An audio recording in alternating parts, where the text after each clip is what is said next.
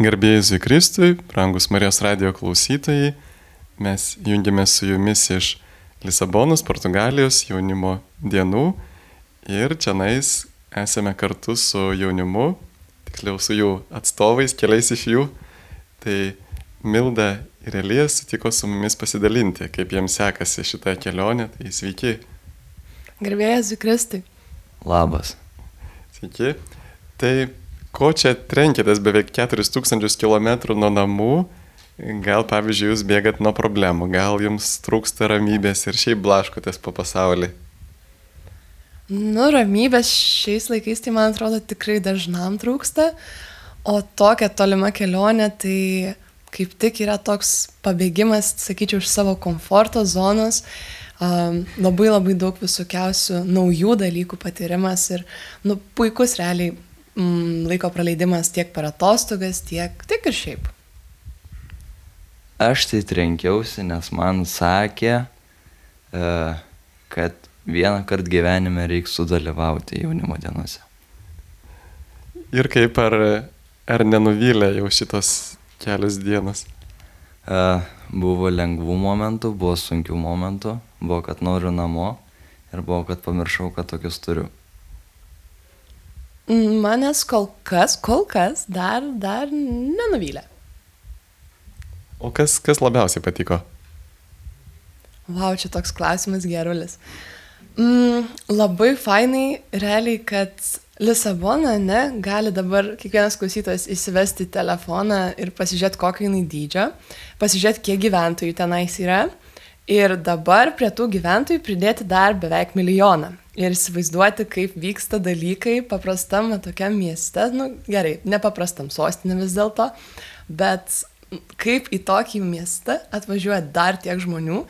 Ir aišku, laukimas yra wow lygyje aukščiausiame, bet tas laukimas, tiek ar tai būtų prie toleto eilių, ar tai į parduotuvę, jisai kažkoks, nu toks kitoks yra, toks su šypsena, tai wow. E, man labiausiai patiko irgi turbūt žmonių kiekis. Kartais e, va, čia yra vienas, viena priežastis, kodėl aš noriu namo, bet e, irgi, kai, kai visi va vakar ėjome mišes ir daug žmonių, tu matai, jie visi, visi rėkia savom kalbom, visi su savo vėliavom ir, ir toks įspūdingai labai atrodė.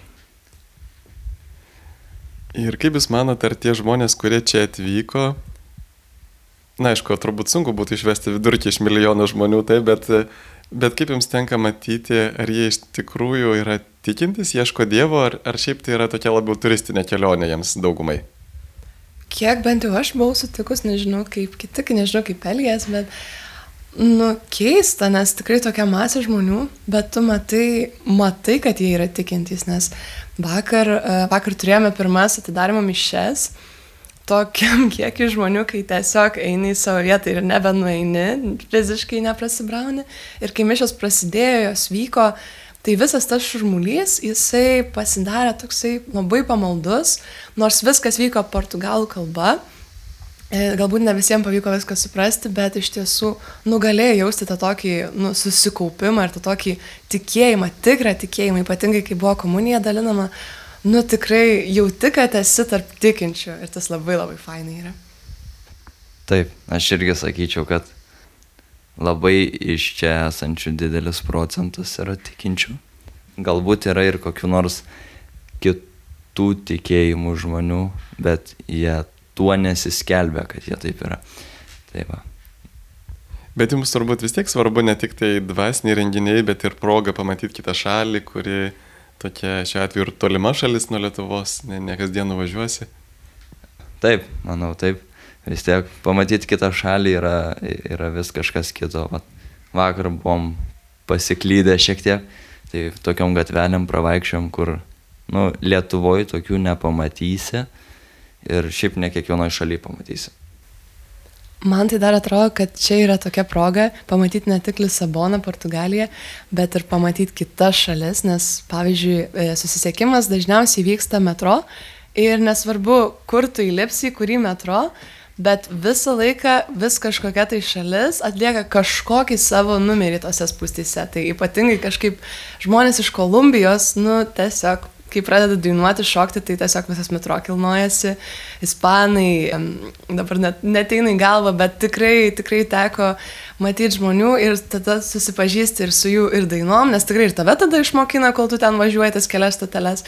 Tai sakyčiau, ne tik Lisaboną tu pažįsti, ne tik Portugaliją, bet ir dar plus. O ar jums teko anksčiau dalyvauti kokios tai piligriminiai kelioniai, ar kokį matot skirtumą ir nuo stovyklos, pavyzdžiui, gal kuo skiriasi, jūs turbūt dalyvaudavot ir stovyklose krikščioniškose ir kuo, kuo skiriasi taip e, jaunimo dienos nuo stovyklos, pavyzdžiui? Kuo skiriasi, tai visų pirma žmonių kiekiu. ja, šiek tiek toks, kur būna ten šimtas stovyklai, čia milijonas. Kuo dar čia skiriasi? Skiriasi galbūt tuo įvairumu tarp žmonių. Nu, nes vis tiek ten stovyklose tai pagrindė yra vienos šalies gyventojai, o va čia yra, net nežinau iš kiek šalių atvažiavę žmonės. Ir dar skiriasi maistu, kaip e, vyriškai, tai vis tiek svarbu yra maistas, svarbu yra skaniai pavalgyti. Tai va, stovyklos irgi skanu, bet čia gali rinktis, kur tu nori valgyti. Ir čia picų duoda, tai va, o šiaip tai, jo, stovykla, nu, stovykla tai tikrai skiriasi, nes man, pavyzdžiui, asmeniškai, nežinau kaip eliai, bet dažniausiai tenka dirbti su vaikais stovyklose, mažesniais, o čia labai daug e, suaugusių yra žmonių, arba, nu, paauglių, jaunimo, tai tas labai skiriasi.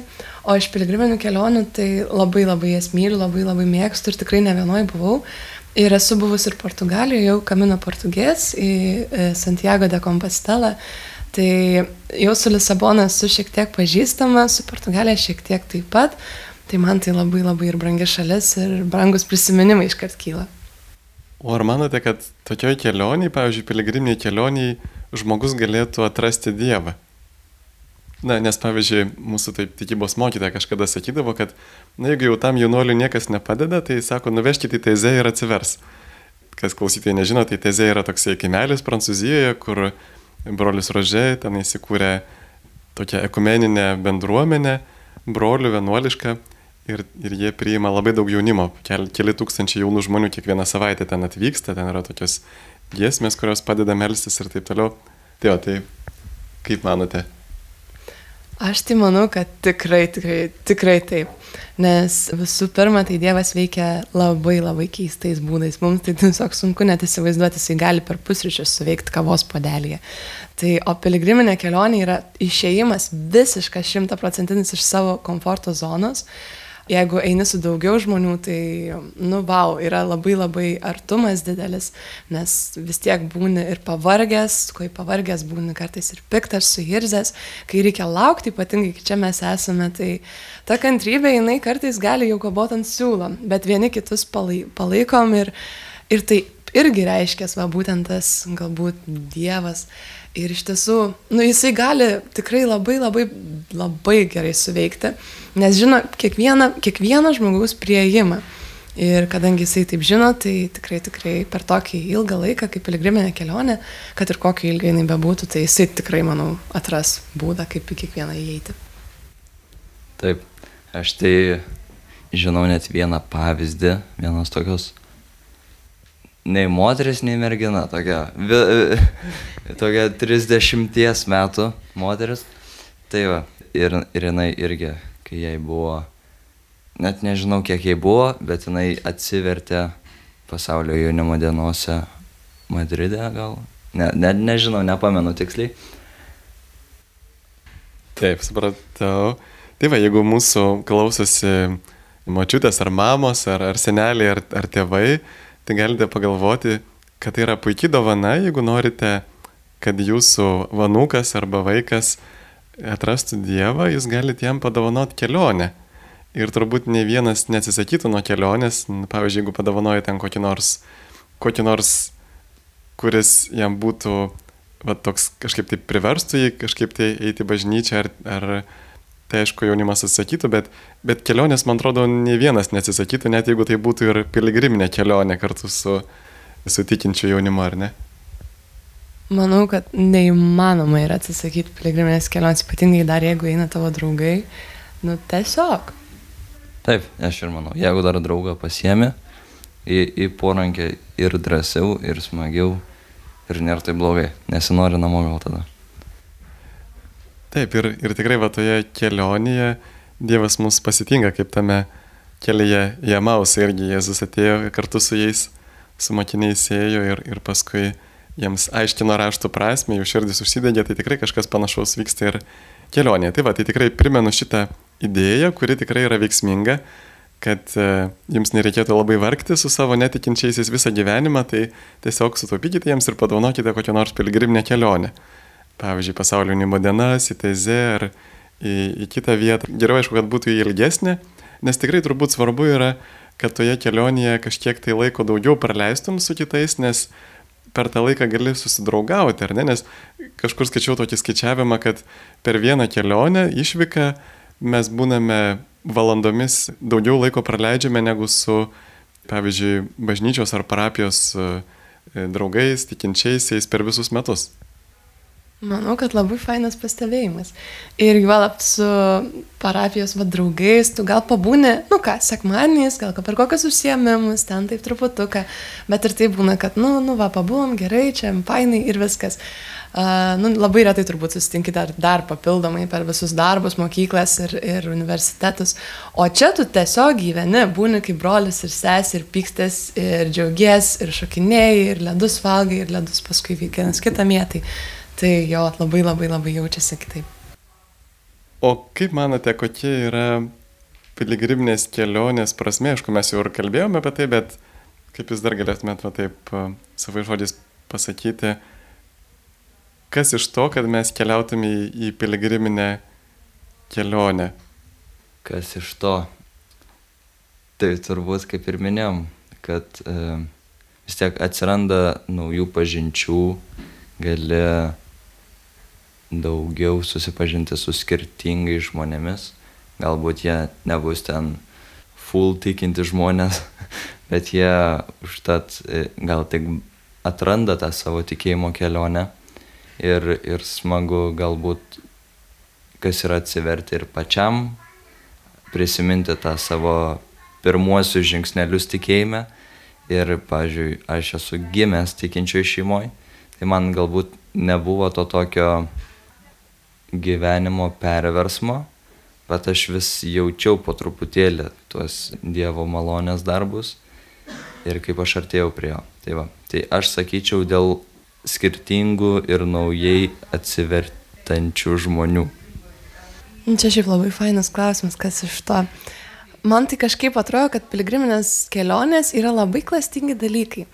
Nes jie atrodo tiesiog kaip kelionės, kelionės su draugais, ten galbūt dažniau matomais, rečiau matomais, patyrimai naujų šalių, pasižiūrėjimai ten ar maistas, ar aplinka, bet iš tiesų jos veikia labai klastingai, nes jos atskleidžia, kaip viskas gražu ir ko, kaip viskas, nu, žiauriai fainai, ypatingai ir tikėjimas, koks jis yra iš tiesų.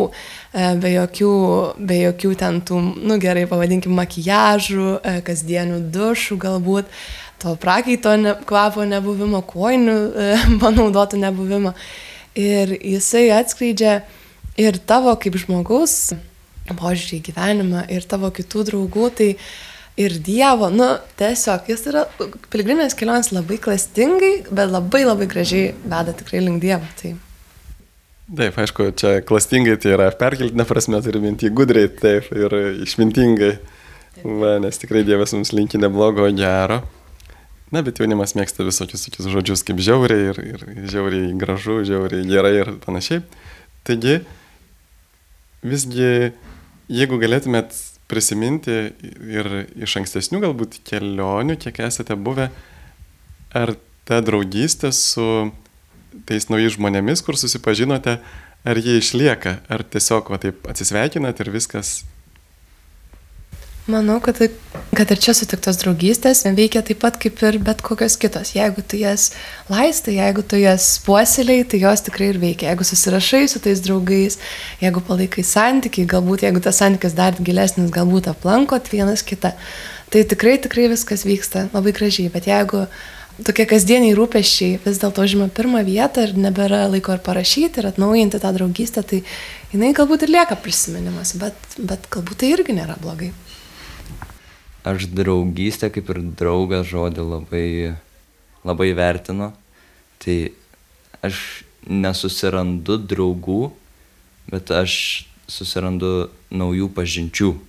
Ir aišku, tenais, nu, laikui bėgant tas žmogus gali tapti draugas, bet tam reikia ir pasitikėjimų, ir laiko, ir bendrystės, ir susitikimų, ir žaidimų, ir susipykimų, visko reikia tam, bet, bet kad taptų draugas, reikia šiek tiek laiko. Ir aš, aš manau, kad taip vis tiek išlieka tas, kad tu pažįsti vis tiek žmogų, tu jį susitinki gatvėje, prasimeti porą žodžių pažįstamų rato praplatėjimas, aš taip įvardinčiau.